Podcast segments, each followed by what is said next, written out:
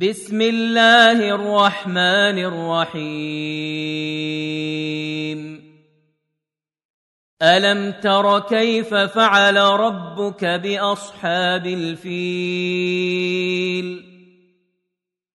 ألم يجعل كيدهم في تضليل؟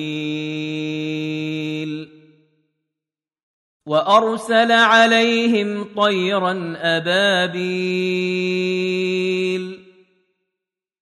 ترميهم بحجارة من سجيل. فجعلهم كعصف مأكول.